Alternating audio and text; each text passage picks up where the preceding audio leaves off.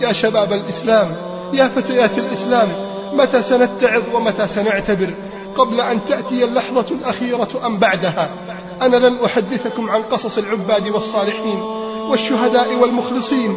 أنا لن أحكي لكم اللحظة الأخيرة في حياة من مات وهو يقرأ القرآن أو من مات وهو ساجد أو من مات وهو يسبح أو يستغفر. لكنني سأقص عليكم اللحظات الأخيرة في حياة أعظم بشر وأكرم إنسان. إنه المصطفى صلى الله عليه وسلم. تلك اللحظات التي كلما قرأتها وتذكرتها بكيت حزنا على فراقه صلى الله عليه وسلم. وشوقا إلى لقائه. فتختلط مشاعري فلا أدري وأنا أبكي. هل أنا حزين أم مشتاق؟ إنها أعظم لحظة وأجمل لحظة. بالنسبة لمحمد صلى الله عليه وسلم في حجة الوداع وبينما كان رسول الله صلى الله عليه وسلم يخطب الناس نزلت عليه قول الله جل وعلا اليوم أكملت لكم دينكم وأتممت عليكم نعمتي ورضيت لكم الإسلام دينا. ونزلت سورة النصر إذا جاء نصر الله والفتح ورأيت الناس يدخلون في دين الله أفواجا فسبح بحمد ربك واستغفره إنه كان توابا. فعرف الرسول صلى الله عليه وسلم أنه سيودع الدنيا. فقال إني لا أدري لعلي لا ألقاكم بعد عامي هذا. وقال لعلي لا أحج بعد عامي هذا. ورجع رسول الله صلى الله عليه وسلم إلى المدينة.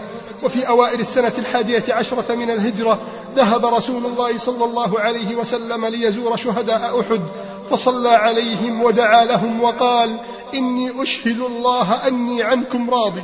ولما رجع رسول الله صلى الله عليه وسلم من المقابر وهو في الطريق بكى وقال وددت أني لقيت إخواني. فقالوا أولسنا إخوانك يا رسول الله؟ قال لا أنتم أصحابي. وإخواني الذين يأتون من بعدي يؤمنون بي ولم يروني. وفي بعض الروايات يود الواحد منهم لو رآني بأهله وماله فداك أبي وأمي يا رسول الله. والله إننا لنتمنى أن نراك ولو فقدنا كل شيء. وبعد مدة خرج رسول الله صلى الله عليه وسلم يودع أيضا أهل البقيع في مقابر البقيع فدعا لهم واستغفر وقال السلام عليكم يا أهل المقابر ليهن لكم بما أصبحتم فيه بما أصبح الناس فيه يعني هنيئا لكم ما أنتم فيه. ثم قال أقبلت الفتن كقطع الليل المظلم يتبع آخرها أولها. والآخرة شر من الأولى. ثم بشر أهل المقابر فقال إنا إن شاء الله بكم لاحقون. وعندما رجع رسول الله صلى الله عليه وسلم من البقيع أصابه المرض وداهمه صداع رهيب وكان يوم اثنين فجعل رسول الله صلى الله عليه وسلم يربط عصابة على رأسه من شدة الألم حتى إن الصحابة رضي الله عنهم كانوا يحسون بحرارة رأسه من فوق العصابة. وظل رسول الله صلى الله عليه وسلم يصلي بالناس أحد عشر يوما وفي الأسبوع الأخير اشتد المرض على رسول الله صلى الله عليه وسلم وكان يتمنى أن يمرض في بيت عائشة رضي الله عنها فجعل يقول لزوجاته أتأذنون لي أن أمرض في بيت عائشة؟ فقلنا له أذنا لك يا رسول الله. فأراد أن يقوم فما استطاع فجاء علي بن أبي طالب والفضل بن العباس فحملوا النبي صلى الله عليه وسلم وخرجوا به من حجرة أم المؤمنين ميمونة رضي الله عنها إلى حجرة عائشة رضي الله عنها. لكن الصحابة لأول مرة يروا النبي صلى الله عليه وسلم محمولا على الأيدي. فتجمع الصحابة وقالوا ما لرسول الله؟ ما لرسول الله؟ وبدأ الناس يتجمعون في مسجد النبي صلى الله عليه وسلم. وبدأ المسجد يمتلئ ويكتظ بأصحاب الرسول صلى الله عليه وسلم ويحمل النبي صلى الله عليه وسلم إلى بيت أم المؤمنين عائشة فبدأ النبي صلى الله عليه وسلم يعرق عرقا شديدا وجعلت عائشة تمسك بيده صلى الله عليه وسلم وتمسح العرق عن جبينه صلى الله عليه وسلم. ثم بدأت آلام السكرات فجعل النبي صلى الله عليه وسلم يقول لا إله إلا الله إن للموت لسكرات. لا إله إلا الله إن للموت لسكرات. وجعل صوت الناس يعلو في داخل المسجد. فقال النبي صلى الله عليه وسلم لأم المؤمنين عائشة ما هذا يا عائشة؟ قالت يا رسول الله الناس يخافون عليك. فقال احملوني إليهم. فأراد أن يقوم صلى الله عليه وسلم فما استطاع أن يقوم. فأغمي عليه صلى الله عليه وسلم فصبوا عليه سبع قرب من الماء كي يفيق. وبعدها أفاق رسول الله صلى الله عليه وسلم. وحمل النبي صلى الله عليه وسلم وصعد إلى المنبر فكانت آخر خطوة لرسول الله صلى الله عليه وسلم. وآخر كلمات للنبي صلى الله عليه وسلم. وآخر دعاء من رسول الله صلى الله عليه وسلم. وآخر نظرات من النبي صلى الله عليه وسلم. قال أيها الناس كأنكم تخافون علي.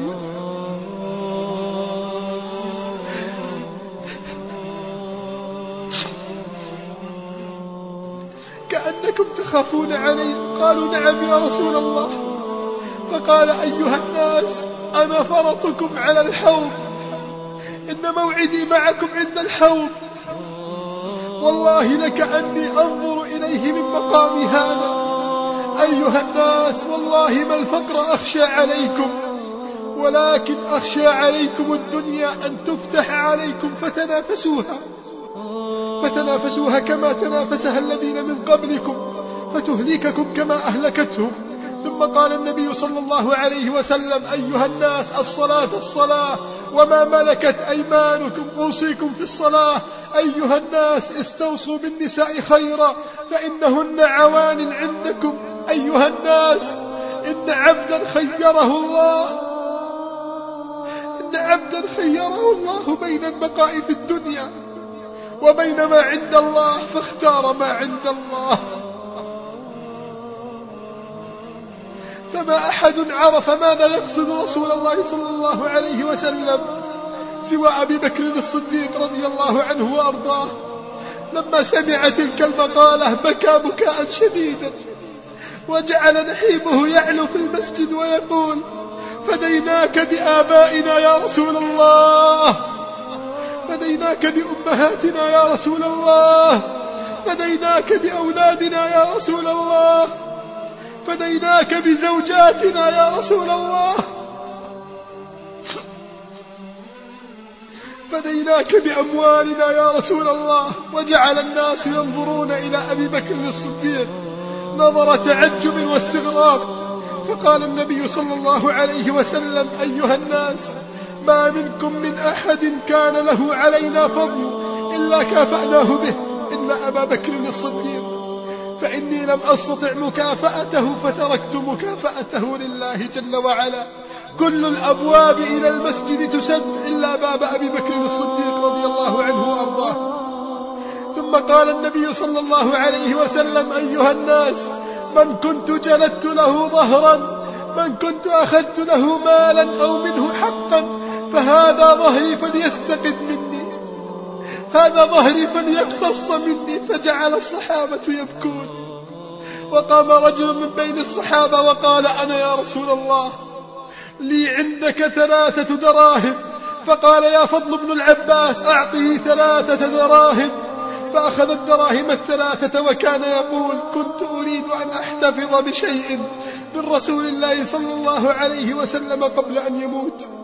ثم جعل رسول الله صلى الله عليه وسلم ينظر بين المسلمين ويقلب عينيه بينهم ويقول آواكم الله ثبتكم الله حفظكم الله رعاكم الله نصركم الله. فكانت هذه آخر كلمات النبي صلى الله عليه وسلم. ونزل رسول الله صلى الله عليه وسلم من على المنبر. وتوجه إلى حجرة أم المؤمنين عائشة رضي الله عنها ثم دخل عليهم عبد الرحمن بن أبي بكر أخو عائشة رضي الله عنها وكان معه مسواك يستاك به. فجعل رسول الله صلى الله عليه وسلم ينظر إليه. قالت عائشة رضي الله عنها فعلمت أنه يريده فقلت آخذه لك يا رسول الله. فأشار برأسه أن نعم. فأخذت المسواك فقضمته ووضعته في ريقي وطيبته ونظفته ثم دفعته إلى النبي صلى الله عليه وسلم فجعل رسول الله صلى الله عليه وسلم يحرك المسواك في فمه.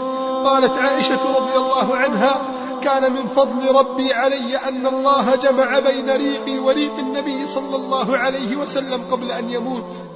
ثم دخلت ابنته فاطمة رضي الله عنها. فرأت النبي صلى الله عليه وسلم مسجى على الفراش. فبكت بكت لأنها كانت كلما دخلت على النبي صلى الله عليه وسلم قام إليها فرحب بها وقبلها وأجلسها في مكانه. وهي الآن ترى والدها خير البشر مسجى على فراشه. فقال لها النبي صلى الله عليه وسلم ادني مني يا فاطمة اقتربي مني يا فاطمة. فهمس لها في أذنها فبكت. ثم همس لها مرة أخرى فضحكت. فسئلت بعد ذلك فقالت إنه همس لي أني مغادر هذه الدنيا فبكيت. ثم همس لي فقال إنك أول أهلي لحوقا بي فضحكت. ثم قال النبي صلى الله عليه وسلم أخرجوا من كان عندي في البيت.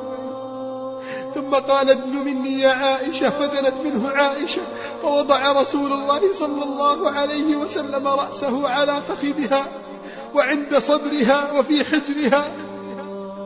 ثم دخل على النبي صلى الله عليه وسلم جبريل يستأذنه في دخول ملك الموت ودخل على النبي صلى الله عليه وسلم ملك الموت وجعل يخيره بين أن يبقى في الدنيا. وبين أن يصعد إلى الله فجعل النبي صلى الله عليه وسلم يقول بل الرفيق الأعلى بل الرفيق الأعلى بل الرفيق الأعلى. فقال ملك الموت أيتها الروح الطيبة أيتها الروح الطيبة روح محمد بن عبد الله.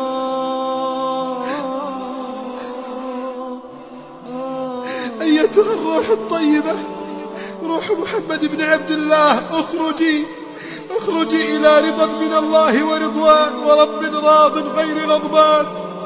تقول عائشة رضي الله عنها فثقلت رأس النبي صلى الله عليه وسلم على صدري. وعلمت أن رسول الله قد مات فأزحت الستار وقلت للناس في المسجد مات رسول الله مات رسول الله. فضج المسجد بالبكاء وارتفعت أصوات الناس وما استطاع أحد أن يتحرك.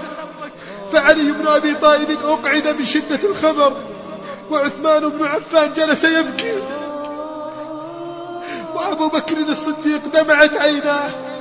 وعمر قال من قال منكم إن محمدا قد مات قطعت رأسه بالسيف. والله ما مات رسول الله.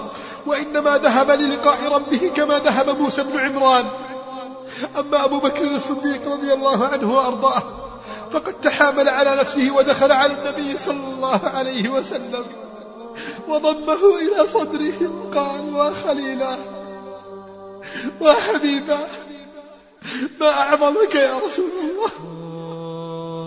ما أعظمك يا رسول الله؟ طبت حيا وميتا يا رسول الله. ثم جعل يقبل النبي صلى الله عليه وسلم من رأسه. ثم خرج يبكي. خرج أبو بكر يبكي ويقول أيها الناس من كان يعبد محمدا فإن محمدا قد مات. ومن كان يعبد الله فإن الله حي لا يموت. قال عمر بن الخطاب ثم تلا أبو بكر الصديق قول الله تعالى وما محمد إلا رسول قد خلت من قبله الرسل. أفإن مات أو قتل انقلبتم على أعقابكم ومن ينقلب على عقبيه فلن يضر الله شيئا وسيجزي الله الشاكرين. قال عمر فوالله لك أني أول مرة أسمع هذه الآية في كتاب الله. ثم غسل النبي صلى الله عليه وسلم الفضل بن العباس. وعلي بن أبي طالب وأنس بن مالك وكان علي بن أبي طالب يصب الماء على رسول الله صلى الله عليه وسلم والفضل بن العباس يغسل النبي صلى الله عليه وسلم ويدلك جسده. ثم حمل رسول الله صلى الله عليه وسلم في زاوية من حجرة عائشة رضي الله عنها ودفن فيها ووقف الصحابة على قبره يدعون الله لنبيهم. ثم جاءت فاطمة فقالت يا أنس يا أنس أطابت أنفسكم أن تحثوا على رسول الله التراب. أطابت أنفسكم أن تضع التراب فوق الجسد الذي أخرجكم من الظلمات إلى النور. قال أنس والله لقد كانت الليلة التي دخل فيها رسول الله صلى الله عليه وسلم المدينة أكثر ليلة إضاءة وإشراقا.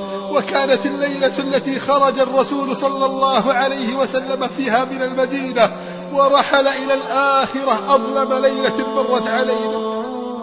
وهكذا رحل محمد صلى الله عليه وسلم في أحسن خاتمة. فقد اختار رفيقه الأعلى سبحانه وتعالى. إخواني أخواتي كلنا سنموت. والله كلنا سنموت. والله كلنا سندخل القبر. والله كلنا سنسأل والله كلنا سنحاسب. ستسأل أخي لماذا كنت تشاهد الأفلام؟ لماذا كنت تنظر إلى الحرام؟ لماذا كنت بعيدا عن واحة الإيمان؟ لماذا لم تتخير ميتة كريمة؟ لماذا لماذا سرقتك الدنيا وألهتك عن القرب من سيدك ومولاك؟ ألست تعشق الجنة؟ ألست تحب الفوز بالرضوان؟ ألست تريدين صحبة أمهات المؤمنين؟ إذا لماذا نموت على غير الخير دعونا نعاهد الله الآن. دعونا نعاهد الله الآن أن نعيش ساعاتنا القادمة على ما يرضي الملك سبحانه وتعالى. دعونا نعمل فيما تبقى من أعمالنا ونسعى كي نصل إلى الجنة. أنا عاشق درب الجنان. أنا عاشق روض الحسان. أنا عاشق ذاك السجود يقودني. يقودني نحو الأمان. أنا عاشق محراب ذل للإله بكل آن. في مقلتي أمل يلوح يلفني بيد الحنان. يسمو بروحي للسماء إلى الملائك والحسان. ويطوف قلبي في الرياض يعانق الحور الحسان. ما أجمل النفس التي ترنو إلى ذاك المكان. تعلو على الشهوات والآثام في زمن الهوان. لا ليس يغريها البريق وليس يخدعها الزمان لا ليس تأسرها الحياة بل الحياة هي الجنان فغذاؤها في كل يوم دمعتان وركعتان ودواؤها إياك نعبد من هدى السبع المثان ونعيمها لما تذود عن العقيدة بالسنان وتقول أفدي شرعتي أرجو الرحيم المستعان يا نفس كوني مثلها وارقي إلى أفق البيان. ولتحملي هدفا يقول بعزة أهوى الجنان. اللهم يا حي يا قيوم يا ذا الجلال والإكرام نسألك بأسمائك الحسنى وصفاتك العلى أن تجعل آخر كلامنا من الدنيا لا إله إلا الله. يا رب اجعل آخر كلامنا من الدنيا لا إله إلا الله. يا رب اكتب لشباب وفتيات المسلمين خاتمة حسنة. يا رب لا تبت شبابنا على المخدرات. يا رب لا تبت شبابنا على المسكرات. يا رب لا تبت شبابنا على الأغنيات. يا رب لا تبت شبابنا في السهرات. يا رب لا تبت فتياتنا على التبرج والسفور والمحرمات. يا رب أمتنا جميعا على طاعة ترضيك حتى نبعث عليها في يوم القيامة. يا رب إنا نحب نبيك صلى الله عليه وسلم. وقد قال النبي صلى الله عليه وسلم يحشر المرء مع من أحب.